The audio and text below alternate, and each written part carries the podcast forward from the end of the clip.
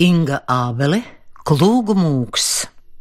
Iestudējums Klūgu mūks ir neatkarīgās producentu biedrības esto veidots literārais lasījums ceļā uz Latvijas valsts simtgadi. Lasījuma autori Anta Rugāte un Juris Kalniņš 2017. gada ieraksts. Romāna radiolasījumā darbojas Anta Rugāte, Aija Dzērve, Uldis Dumpis, Gins Grāvelis, Juris Kalniņš, Kristaps Rasims. 18. lasījums.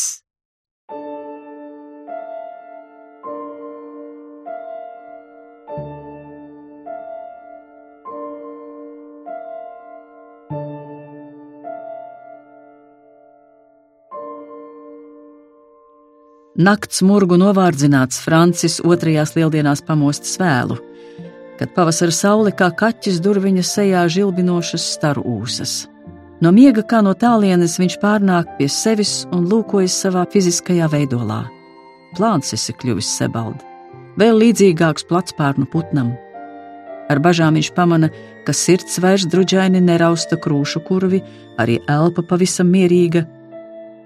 Vai nelaimes būtu atstājušās, atvilkušās prom zem pērnās sniega kupenām? Kāpēc tā? Varbūt uz ļaunu? Tūlīt viņš pasmīna par savām izbailēm. Jau tādos gados, kad labais šķiet aizdomīgs. Francis atspiežas uz elkoņa un atbalstās ar muguru pret sienu. Vārgums no pieres salīst vēderā, klusi iesūtas kaulos. Loks kā plats, tukšs kvadrāts deg saules gaismā. Tās ir cilvēka acīs saredzamas dieva gaviles par mīlestību šajā pasaulē. Šķērsu svītrām šo prieku sarēto garas augstajā naktī uz pilnēnes slakts kaldinātas lāstekas, kas saules apslienātas kūst acīm redzami. Pak, pak, pak. Pilieni nenorimdami krīt un dejo uz sarūsējušas skārda aplodes.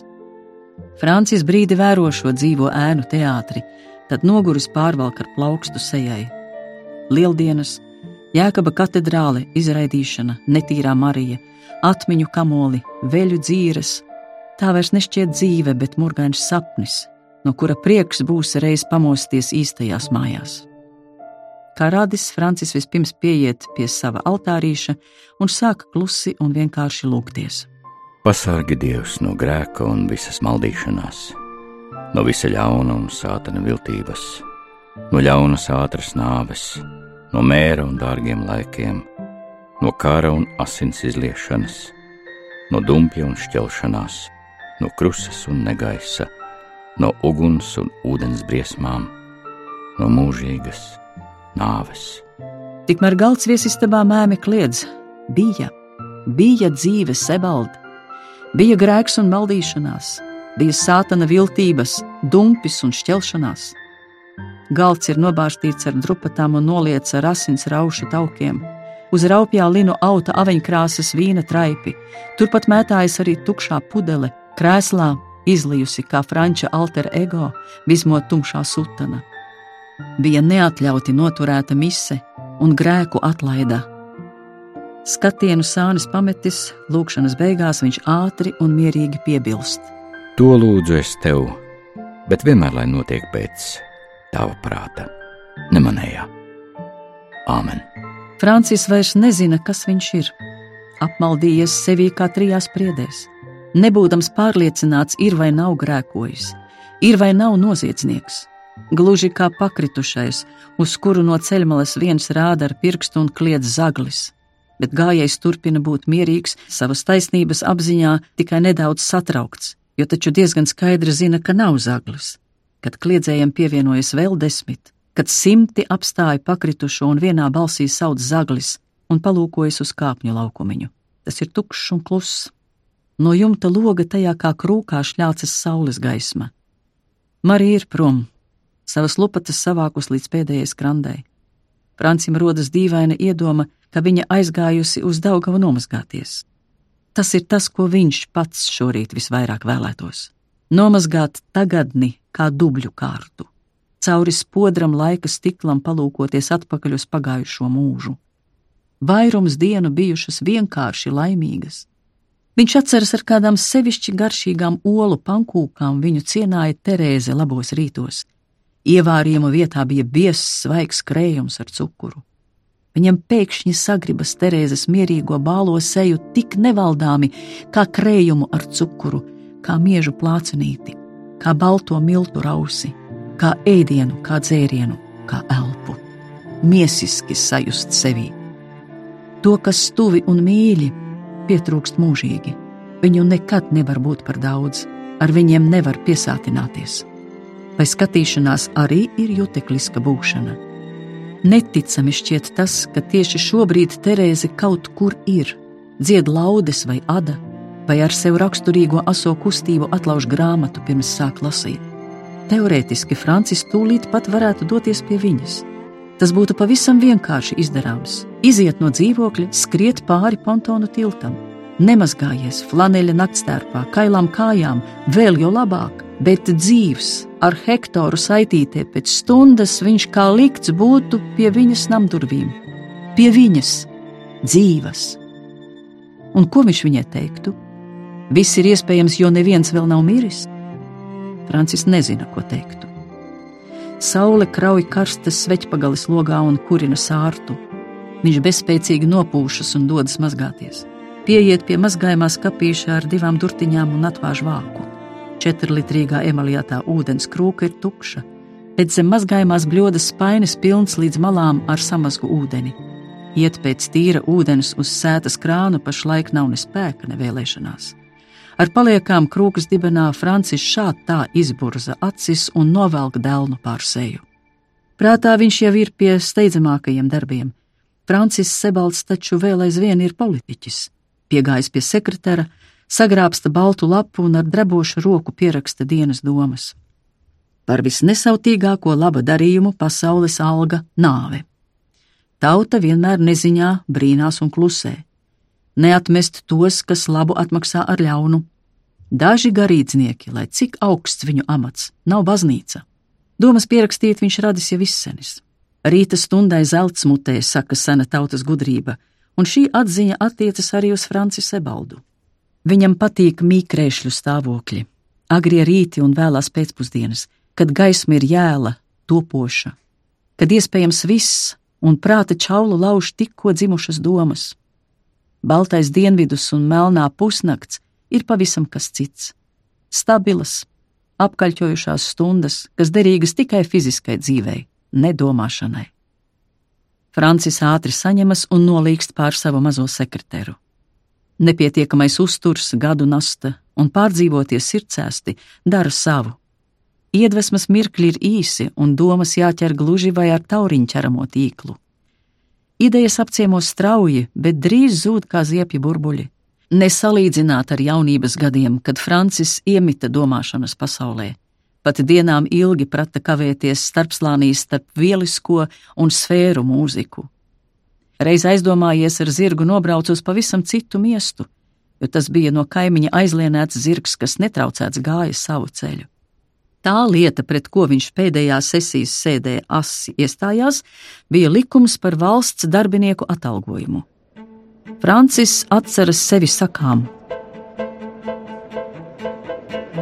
Mani kungi, ir neapšaubāma lieta, ka algas dažiem ierēģiem dažām ierēģu kategorijām ir visai nepiemērotas. Ir neapšaubāma lieta, ka dažiem ierēģiem tās varētu būt paaugstināmas. Tomēr uz jautājumiem, kurus es uzstādīju, neviens nav atbildējis.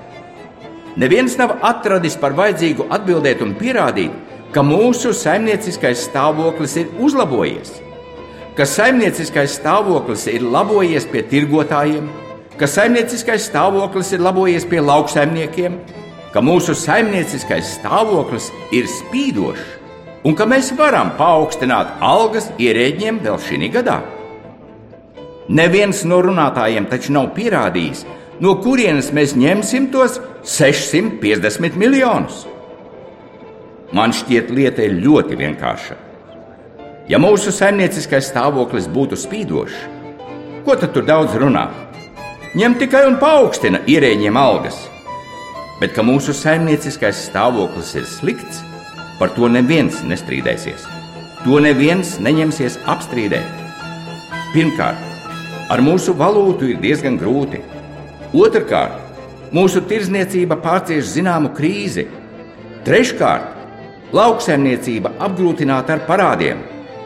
Vēl tālāk, kungi, es jums varu teikt, ka Latvijā ir četri pagasti, kuri jau no Ziemassvētkiem pērk maizi. Un tie zemnieki, kas cerēja uz linijām, tie savā cerībās ir vīlušies. Mūsu pašvaldības iestādes nespēj sekt savus izdevumus. Un, ja mēs paskatāmies valsts budžetā, tad redzam, ka valsts ir spiesta nākt ar pabalstiem un aizdevumiem, lai pašvaldības spētu savus izdevumus sekt. Jā, kungi, no kurienes ņemt naudu? Viņš ir pilnīgi pārliecināts, ka par algu paaugstināšanu ierēģiem varēs spriest, kad nāks labāki gadi. Šobrīd šis lēmums izsauktu inostrādniekiem, inozemniekiem rūkumu un sašutumu. Lieta arī negāja cauri, jo gan kreisajam, gan labajam spārnam par algu paaugstināšanu bija savi priekšlikumi, un bez komisijas nevarēja tikt galā. Francis apsolīja pievienot savas rekomendācijas, nododot šo lietu atpakaļ komisijas pārstrādāšanai. Rīt viņam par to būs jārunā. Francis pieraksta tikai tēzes, Uzkāpis tribīnē, viņš vienmēr runā bez papīra priekšā, no galvas. Francis iemērts rakstām spalvu tintē un domīgi koda tās galu, kamēr no slaikā galiņa nokrīt traips un izplūst pār lapu. Nosusinājis traipu un nolamājis sevi par veco muļķi, Francis ķeras pie priekšlikumiem. Tad nu paskatīsimies, kungi, kādas bijušas tās Ulmaņa kunga valdības zāles un receptes, ar kuru palīdzību varētu novērst saimnieciskās grūtības. Pirmā recepte, pie kuras Ulmeņa kungs ķērās, bija apmierināt personiskās prasības pēc sistēmas, no vienas puses rauj, ko var izraut, un no otras puses dot, lai aizbāztu muti. Un tiešām Ulmeņa kungam izdevās aizbāzt muti dažām frakcijām un dažiem deputātiem bet ne visiem, ne visas frakcijas tika apmierinātas. Šī bija Ulmaņa kunga pirmā recepte, kā novērst saimnieciskas grūtības. Tad kungi nāca otrā recepte - muitas tarifs, kurš pieņemts steidzamības kārtībā. Ko muitas tarifs mums deva, to kungi mēs jau redzējām. Pusotra mēneša bezdarbs. No steidzamības nepalika nekas vairs pāri un ko jaunpieņemtie tarifi steidzamības kārtībā dos valstī un tautai, to mums parādīs, es domāju, vēl ne tālā nākotnē. Bet, ja nu, kungi, mēs tagad pārējām uz trešo recepti, tad tā ir algu paaugstināšana ierēģiem. Pietiks ironijas. Francis nosvītro pēdējo teikumu ar divām traknām svītrām. Spalvas gals sprakšķi un plēš papīru, tinte šķīst visapkārt tumšām dzirkstelēm. Ironijai te nav vietas. Te īstā vieta būtu argumentācijai. Franča piere saulē šķiet kūpam, viņš saņem spēkus. Jau labu brīdi viņu no sava kakta vēro divas dzintarkrāsas acis. Ko tu dari? Vai esi aizņemts? Tās it kā jautā. Francis atgaiņājas. Pagaidi, Hektor, es tūlīt pabeigšu. Viņš sasmalsta tintes paliekas četrkantainās pudelītes dibenā un pieraksta savu rezumē.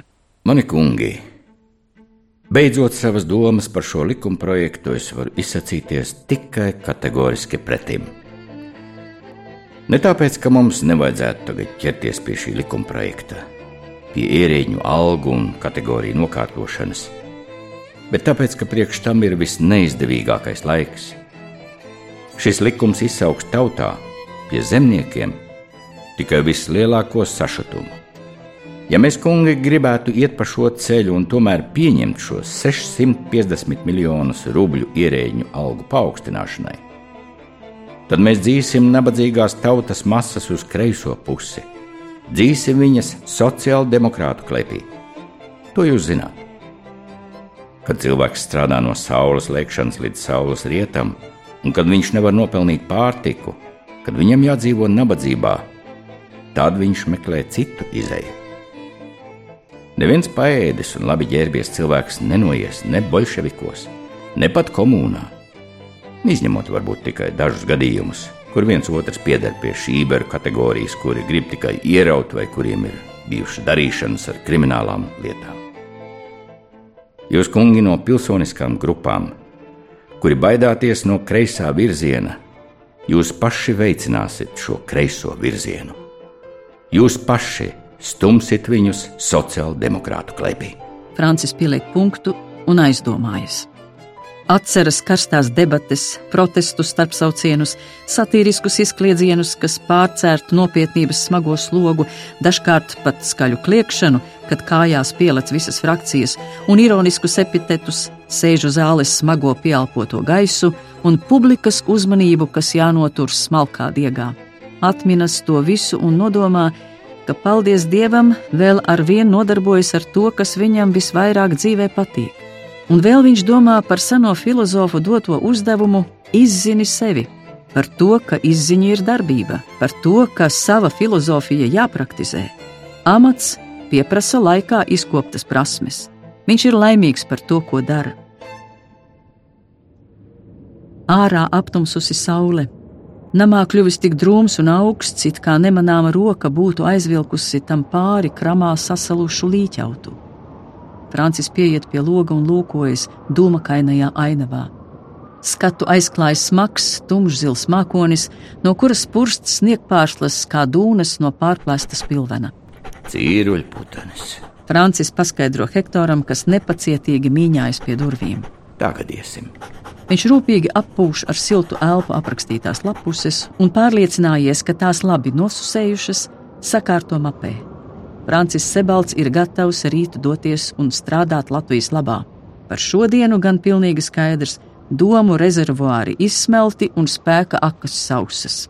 Francis ir fiziski tik vārgs, ka spēj strādāt tikai pāris stundu dienā. Galva reipst. Pēc spēcīgās un īsās koncentrēšanās tajā atlikušas vien saplosītu domu driskas, kas uzpeld un nogrimst apziņā. Pabaro sirdi, Francim liek ķermenis. Viņš dodas pie plīts, kuras galā stāv liela balta porcelāna krūze ar noplīsušu osu. Tajā parasti glabājas ābolu miziņu novārījums. Francis papūš nost plēvi, kas mēdz nostāt uz ilgi neaizskartas virsmas un izdzer brūno ieskābeno šķidrumu. Uz galda sagrābsta apkaltušu maizi. Viņš kož un gremo, līdz labība mutē atdzīvojas un sāka garšot pēc iesala. Suns aposta ābolu un nēd, laiza no galdauta augstu tauku pēdas. Asins raušu paliekas Francis apēdas vakar pēc raganu dzīrēm. Skumjš izskatās Hektors, izdēdējis, kā zilgana ziedlapa, kam cauri spīd vadaudi. Viņa saimnieks ir labs cilvēks, tikai neprot par otru parūpēties. Gluži tāpat kā nekad nav pratis parūpēties par sevi. Mea culpa, mea maxima culpa. Mana vaina, mana vislielākā vaina. Francis pamet ātru skatienu tēva pulkstenī, aptvēris, ka kopš pagājušās pusnakts nav dzirdējis tā tikšķus, nedz arī zvanīšanu. Pulkstenis ir apstājies.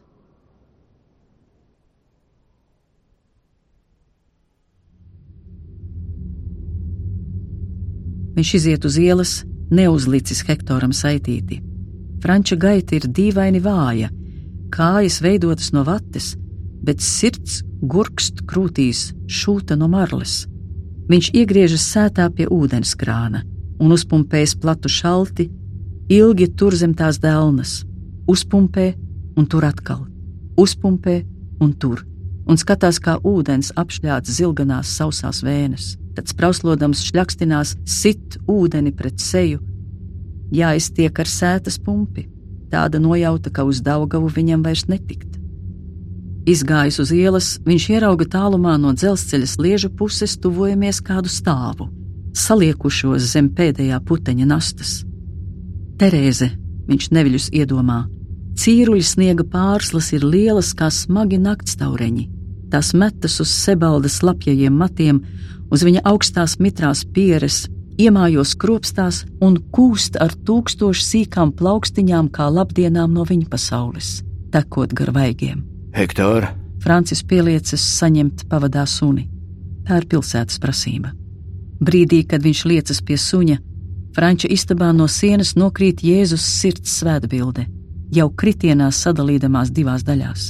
Tā gleznota pirms krietna gadsimta uz plāna priedes koka dēļa, kam laiks pa vidu beidzot atārdījis sveķu vīlīti, bet sausums un mitrums abām pusēm licis izlocīties pretējos virzienos. No šķēluma izveļas skvēlojoša sarkana lode un spārdīdama ap sevi asinis, kā tikko kauts cālis, labu brīdi valstās pa grīdu, tad saplok, satumst un iesūcas grīdā, atstādama tikai bijušā ēnu. Jēzus kļūst par parastu bildi, kas ar dzintara inkrustācijas plaukstām mēģina savilkt ciet savas plikās un tukšās, ar eļļas krāsu uzmālētās krūtis. Uz ielas tikmēr sāpes sirdī kā vesels zvēliens pa laktu izsit no franča trauslā ķermeņa dzīvību, atmetot viņa galvu tālu atpakaļ dubļos.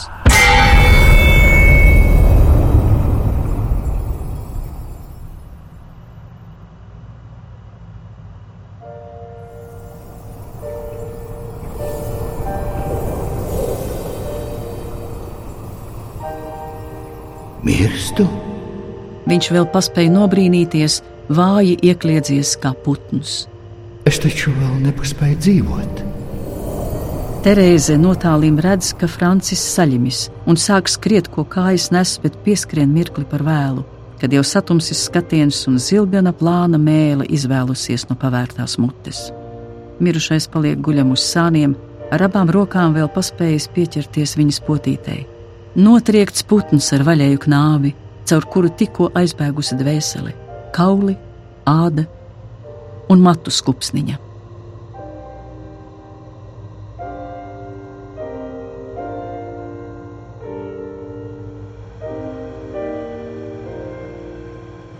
Tūkstoš 926. gada 10. aprīlis. Mēja Maksima Kulpa, mana vislielākā vaina.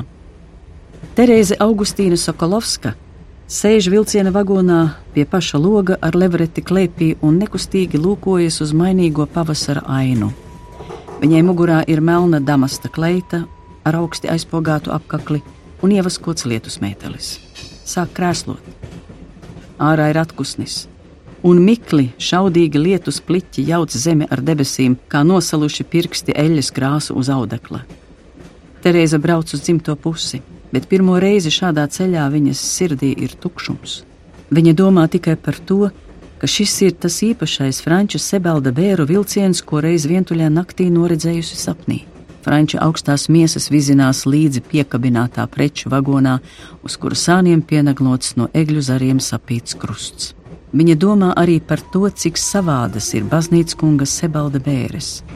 Neviens, Pat visdemoniskākais prāts nespētu iztēlot notikumus tā, kā tos pasniedz dzīve. Sākot jau ar Terēzes pašas dīvaino letarģijai līdzīgo dvēseles stāvokli. Viņas sirds šķiet ne asinis grūž pa dzīslām, bet sabiezējušas sāpes, tak tomēr viņa nedrīkst ne ar skatienu, ne žestu to izrādīt. Cilvēki visapkārt vagonā klusē, savos solos kustēdamies līdzi lēnajam riteņu klaudzumam pret sliedēm. Terēze netic, ka cilvēki varētu sebalda nāves sakarā aizdomāties paši līdz savam galīgumam. Viņai šķiet, ka šķībi mesti skati kā pīķi dursta noslēgto telpu un krustojas tajā punktā, kur virs taisnajiem pleciem, kā pieneglota turas viņas mazā lepnā galviņa ar gludi noķemmētajiem uz pakauša savītajiem matiem. Viņai šķiet, ka katrs vagonā domā, Lūk, sieviete, kas Sebaldu iedzina nāvē. Blakus Terēzei sēž jaunieši no Latvijas studentu apvienības un plūkā klēpjos savas baltās plaukstas. Ne uz mirkli viņu acis Terēzei nepievēršas.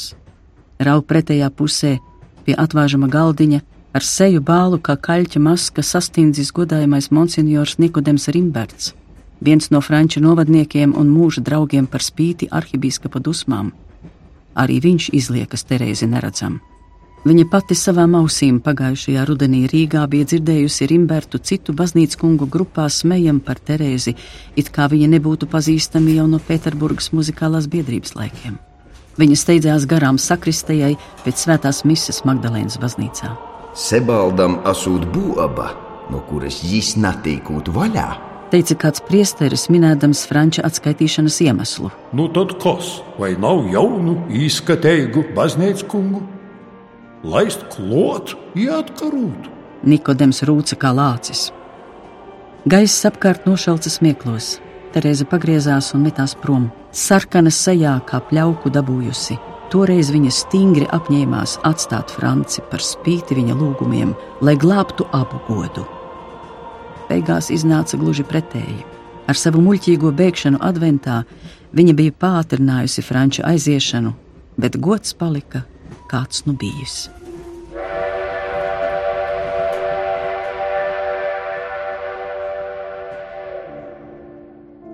Tajā naktī no pirmdienas uz otrdienu, Franča nāves dienā, viņa pēc ilgiem laikiem redzēja brīnišķīgu sapni. Bija pavasaris, bet ne tāds dubļu un ledus akvarelis kā cārā šobrīd. Tas varēja būt māja sākums, ar maigu zaļumu un siltas maržīga gaisa viļņiem pāri pasaulē. Sapnī viņa bija pienākusi pie Sebalda, kas augstā pakalnā sagumis un viens trūvēja lazdu klūgu krēslā. Viņa rādīja uz apgāršņa pusi un priecīgi ierosināja. Vai redzi, cik skaisti? Aiziesim turp! Viņa reizē pagrieza galvas pret apgārsni, tas bija savā dailē neizturams skats, pat sāpīgs. Zeme peldēja staros kā milzīgs dūkans kuģis. Plaša ainava bija viņu priekšā, viļņains, bezgalīgs reliefs ar zaļiem auguriem, mežu skupsnām un tumšākām ielām, kurām mirdzēja ezeru atstiņas ar miglas kupenām. Mākoņos gulēja ezeri un ezeros gulēja mākoņi. Tā bija Latgola. Rožu un pelnu krāsas padebešu apliekta ainava, dabas formās iemiesots dievišķs saturs. Aiz Latgolas vidēja visa Latvija un sudabra jūras līcis, kas pamazām pie apvāršņa saplūda ar žilbi baltām debesīm. Viņa novērsās, jo zināja, ka tās debesis nedrīkst uzlūkot. Tās darīja aklu, ja tajās ilgi ielūkojās. Francis piecēlās, pēkšņi kļuvis rimts un klusi laimīgs, tāds kāds bija savas dzīves labākajās stundās.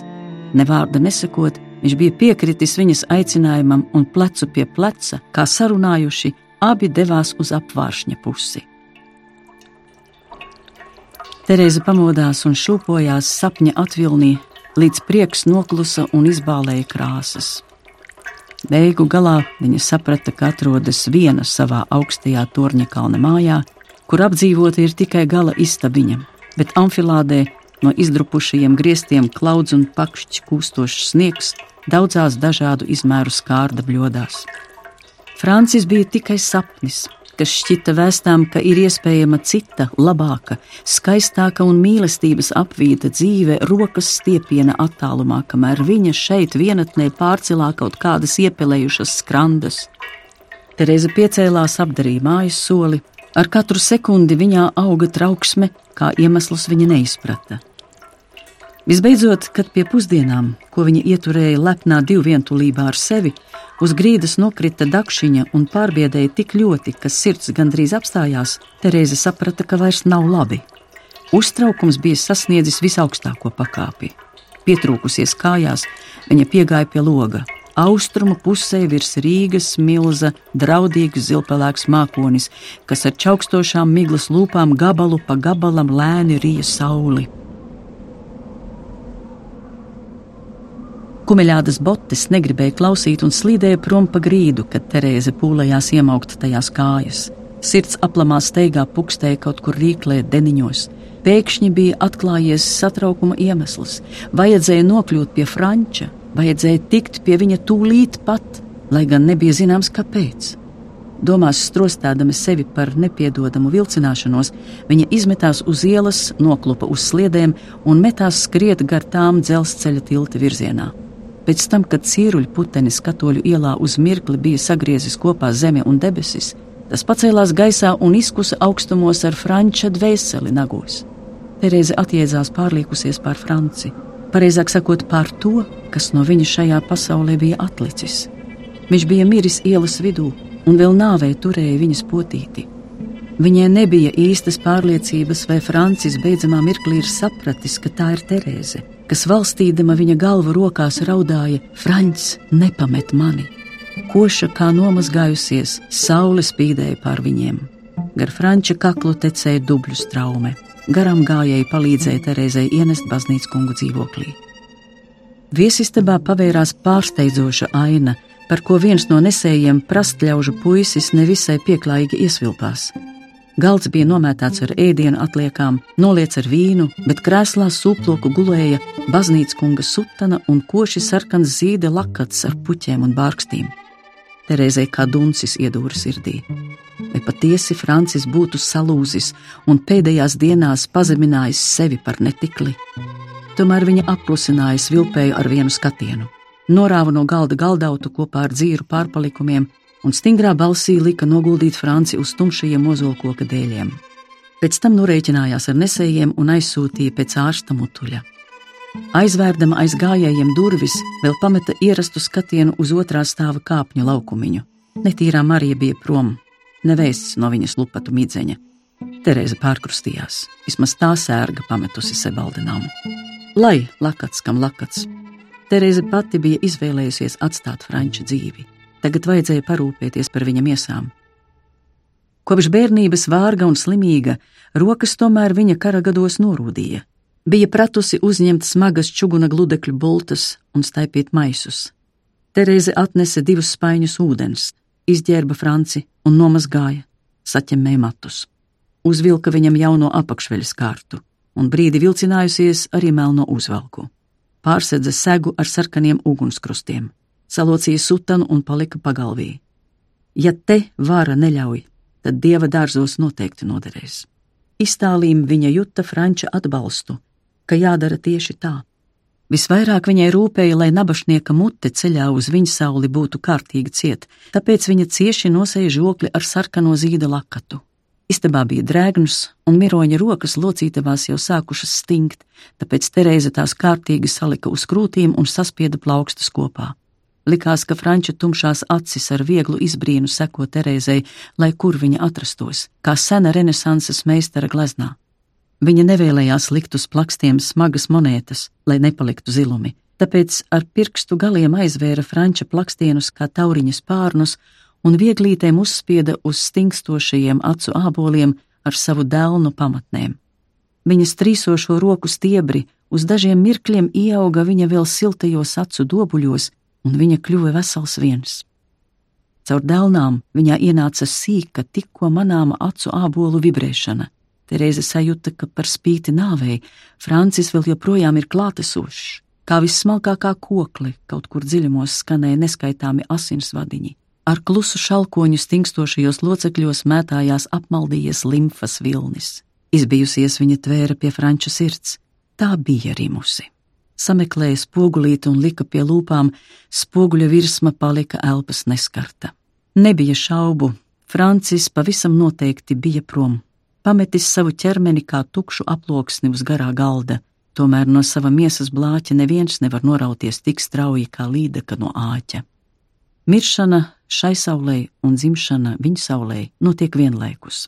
Šķietami aloģiskā divjūgā sajūgti divi pretēji procesi bezgalīga iziršana un bezgalīga rašanās. Lēni Francis vilkās ārā no savām miesām, atraisīdams neredzamas stīgas, kas viņu saistīja ar šīs zemes dzīvi, un vienlaikus tās no jauna siedams. Tereze saprata, ka šobrīd var atļauties būt pati. Drīz atnāks tie citi, zem kuru smagajiem skatieniem viņai būs liektas pat nopūtas. Pie durvīm klauvēja, droši vien ārsts. Terēze izslēdzās un pielāgoja sejai lepnu, augstu izteiksmi. Viņa uzmeta vēl vienu ātru skatienu Francim. Tajā bija tikko jaušams, neizdibināms smaids, kā glaznā Monai Līzai. Viss par vēlu.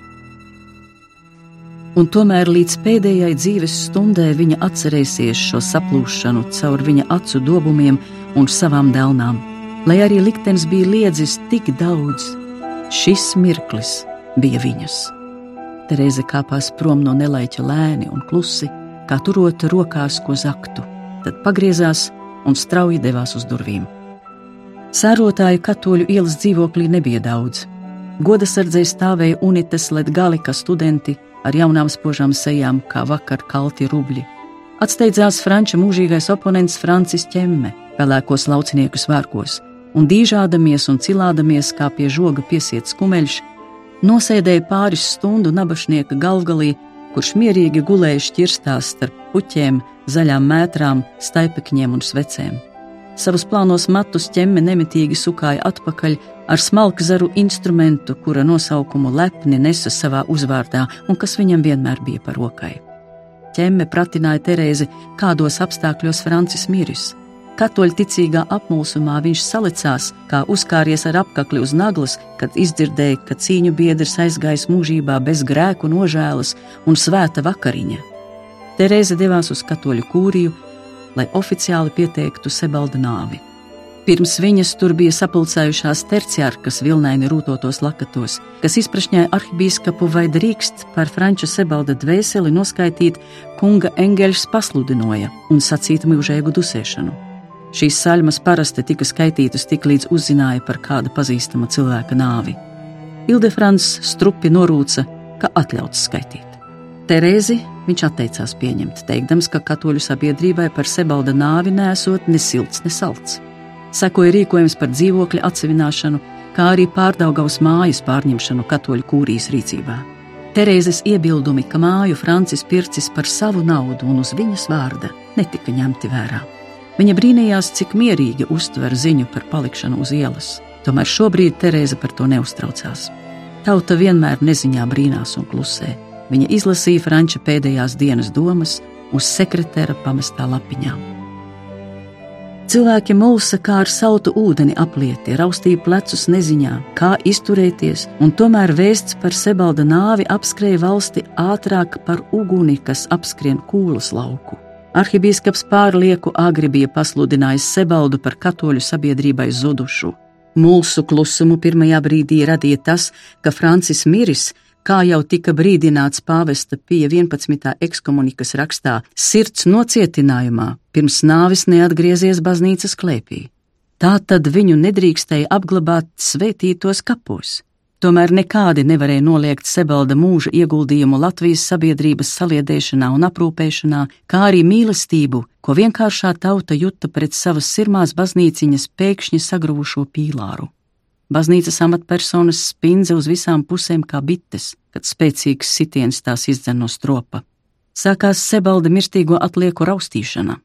Rīgā dzīvojošie latgaļu sabiedriskie darbinieki sapulcējās katoļu ielas dzīvoklī nākamajā dienā pēc Sebalda nāves un izveidoja rīcības komisiju, lai pārunātu apglabāšanas vietu un laiku. Tika aizsūtīta delegācija pie arhibīskapa Ildefransa. Viņa ekscelence nevarēja šos sūtņus izdzīt tik vienkārši kā Terēzi, tāpēc atņurdēja, lai rokot Franci meža kapos Rīgā, kur tiek glabāti dažādu konfesiju ļaudis. Rīcības komisija tam piekrita, bet citādi uz to raudzījās Latgales sabiedriskie darbinieki. Rēzeknē, Ludzā un Daugopilī notika apspriedes un tika pieņemts lēmums, ka Francis Sebalds glabājams dzimtās Latgales zemē, Rēzeknes brāļu kapos. Tam piekrita arī Rīgas grupa atlika sagādāt attiecīgu valdības un armijas vadības atļauju.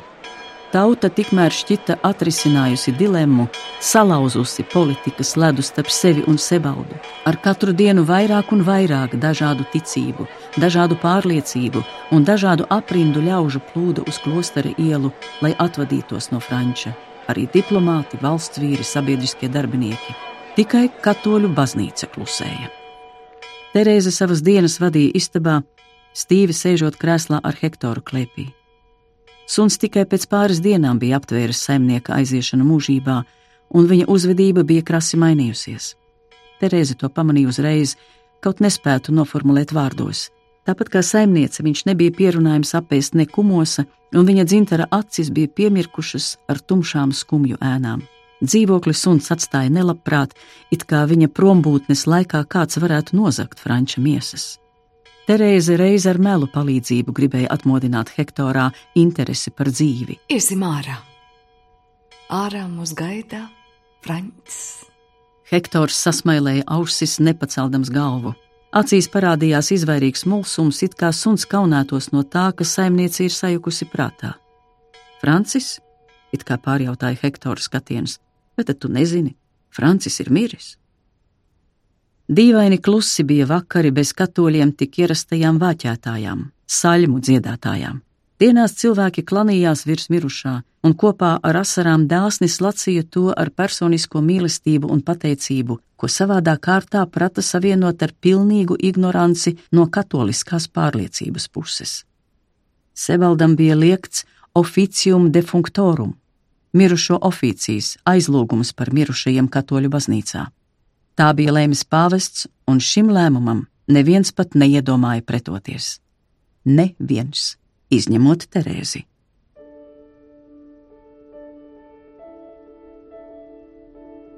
Franča miesa gulēja mazajā istabā pie atvērta loga, kur apkārt sprakstēja vaskas veces, ko tauta bija sanesusi lielā daudzumā, un kas kā dzeltens, vētras sagāzts priežu mežs pildīja istabu ar saldeno smaržu un izgaismoja kaktus.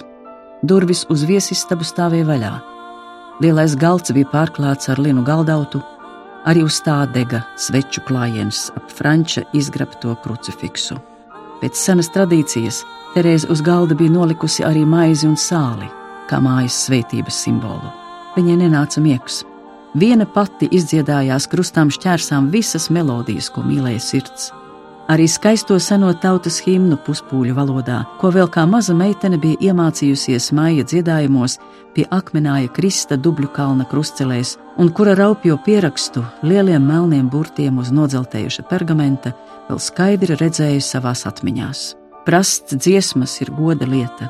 Viņa dziedāja un aizmirsa, ka sēž viena pati tumsā, kur viņu kā skumjakmeni apskalo viens sveču liesmu sīkie dzinterainie vilnīši un vēsas atmiņas par pēdējo ledaino ziemu. Terēze uz mirkli nokļuva atpakaļ māja dievkalpojumu smaržīgajā pievakarē, kur jasmīni ābelis un besakūki saziedēja kopā par godu dievmātei. Aiz krista izpušķotajiem vārtiņiem sēdēja ciema dziedātājs un skaitīja Marijas godzinkas vai rožu kroni, bet viņa kopā ar citiem jauniešiem stāvēja aiz sētiņas, kur sēdēja arī pāris ciemu suņu, dziedāja pa vējam un jutās pieņemta. Dziedājumos pie Krista norima pētīgie urbjošie skatieni, ar kuriem tika vajāta Terēze, nekad un nekur nepiederīgā. Vilciens piebremzēja, tad atkal izlīdzina gaitu. Suns pieceļas, apmet klepi loku un nogulstas uz otriem sāniem.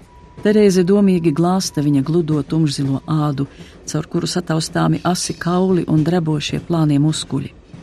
Novārguši ir visi Arī viņai pašai laiku pa laikam no sirds apvidus uz augšu plaiksnī tādas kā ledainas liesmas, kas patvaļīgi sadarbina augumu un aizņaudz rīkli. Panikas liekmes, lai kāds būtu iemesls. Tas ir pēdējo nakšu negulējums kopā ar ieilgušu pagurumu. Jādabū Francis ar godu zem zemes, un tad viņa trīs diennaktis necelsies. Terēze zina, tā bija arī tad, kad viņa adventā aizgāja no Franča. Viņa beidzot kaut kā izkuļas no atmiņām un palūkojas logā. Caurspīdīgās debesis uz nakti nevis apdulst, bet pieņemas kvēlē, tā kā nereti mēdz būt pavasaros. Zūdošajā gaismā priekšmeti iegūst medainu kontūru, tādu kā zeltainā aploce, ko daba apvilkusi ap Terēzes lūpām. Šur tur sliežu malās vīd gaismas salas, sveču un lāpu apspīdēti cilvēku silueti. Ļaudis iznākuši no tuvīnām mājām, pulcējas mazajās lauku stacijās, pie pārbrauktuvēm vai drūzmējas uzbērumos pavadīt Franci Sebaldu. Ieraugot lēno bēru vilcienu, klusi iznirstam no atkušņa miglas, viņa krīt ceļos un atsaktām galvām lūdzas, kamēr vagons ar regļu krustu pazūd mīkrēslī un sliežu dunēšana aizkrīt aiz apvāršņa. Terēze caur logu skatās viņu sejās, izgaismotās un bālās, un prāto par to, kas viņus iztriecis naktī uz dzelzceļa sliedēm, zaudējuma sāpes, sacelšanās pret baznīcas varu vai plika ziņkāri. Lai nu būtu kā būdams, Francim no tā šobrīd ne silts, ne salds. Katrs patiesībā lūdzas par sevi. Nodomā Terēze. Hektors šo pēcpusdienu rēja kā traks, kad policija nāca guldīt Franciju dubult zārkā un gatavot izvadīšanai. Transportēšanai ar vilcienu ir savi stingri noteikumi. Iekšējais šķirsts bija no cinka ar nelielu lodziņu pret seju. Ārējo zārku bija gatavojis dzimtās kolonasaules meistars, jauns puisis, un tas bija uztaisīts kā īsts galvenieka meistardarbs, bez nevienas naglas. Terēze nolūkojās, kā policisti pārbauda un aizzīmogo cinka zārku. Viņas vaipsti nemainījās, tikai žokļus viņa turēja cieši sakostus, kā aizcirstus lazdu, no kura grib izlausties putns. Viņa bija pēdējā, kas dziļi noliecās un ieskatījās caur lodziņu Franča sastingušajā sejā. Tas bija kā ielūkoties upes dziļumos caur ledus vāku. Tur bija viņa sastingusī miesa, bet Franča paša tur vairs nebija. Terēza aizgriezās, lai neradītu apkārtējos izbrīnu par savu pēkšņo īso smaidu, kas kā ass duncis patvaļīgi pāršķēla viņas skumjo muti kopā ar atvieglojuma nopūtu. Desmitiem vaicājošu acu pāru uzlūkoja viņu no pagalma, lai tur viņu par jukušu, ne tikai izlaidīgu sievieti.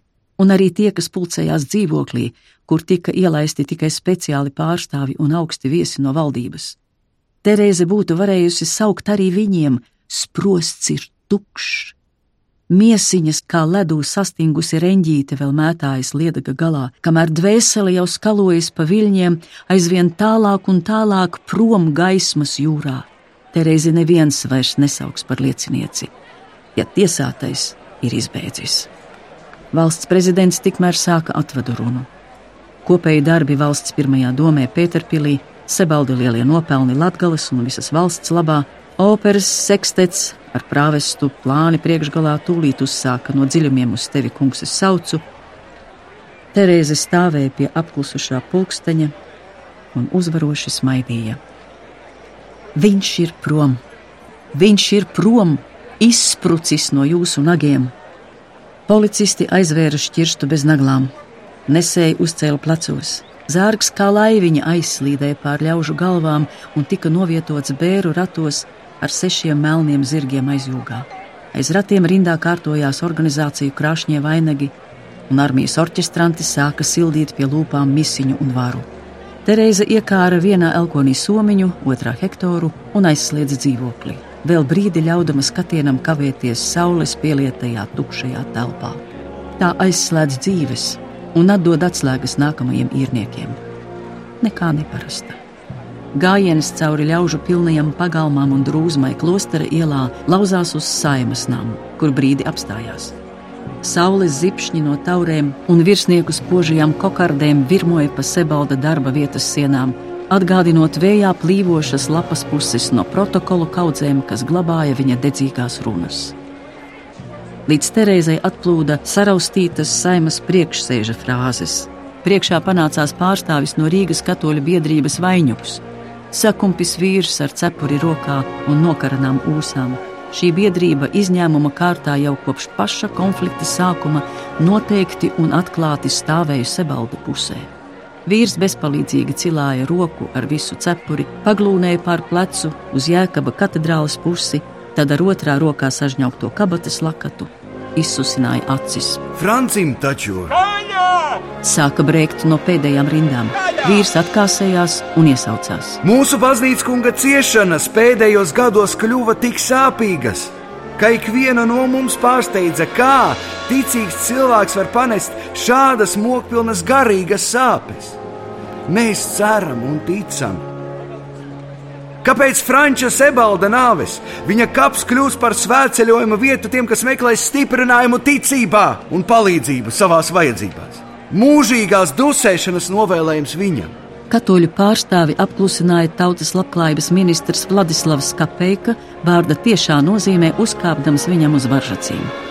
Kapeikas stāvs, smags kā plimutas krāvējam, bija uzblīdis jau zem ausīm, Vēdera rajonā mezdams platu vilni un zem ceļiem neticamā kārtā satilpdams spoži noviksētos mazītiņos cūkādas puszābakos. Jā, tiesam! Dārdināja kapeika. Rezeknes baznīcu zvani rīt nelaiķi nesagaidīs. Tomēr tauta gaidīs savu darbinieku. Kungi un dāmas, turpināsim sēru ceļu uz staciju! Ministrs pamāja armijas orķestrim, un tas sāka pūst tik sparīgi, ka melnās strausu spalvas uz bēru zirgu galvām nolieca tāda kā strauja vējpūta. Pūlis pagriezās un sekoja zārkam.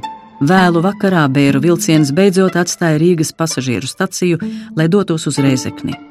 Pret pusnakti pļaviņās vagonā iekāpa valsts prezidenta sevišķi pilnvarotais ģenerālis Bergs ar adjutantiem. Krustpilī vilcienu sagaida Latgolas apgabala armijas vadība un pašvaldību pārstāvji. un tad lēnītēm tālāk, kā dunoša atmiņa plūsma cauri nakts noslēpumainajai asinsritei. Zīlāni, kūkas, mežāri, atašieni, stirnieni, varakļāni, viļāni, kazraģi, un tad jau franča dzimtā kolnasola, kopā ar rītausmu, tālajā zilajā pamalē, pret kalnu, aizvien vēl pret kalnu.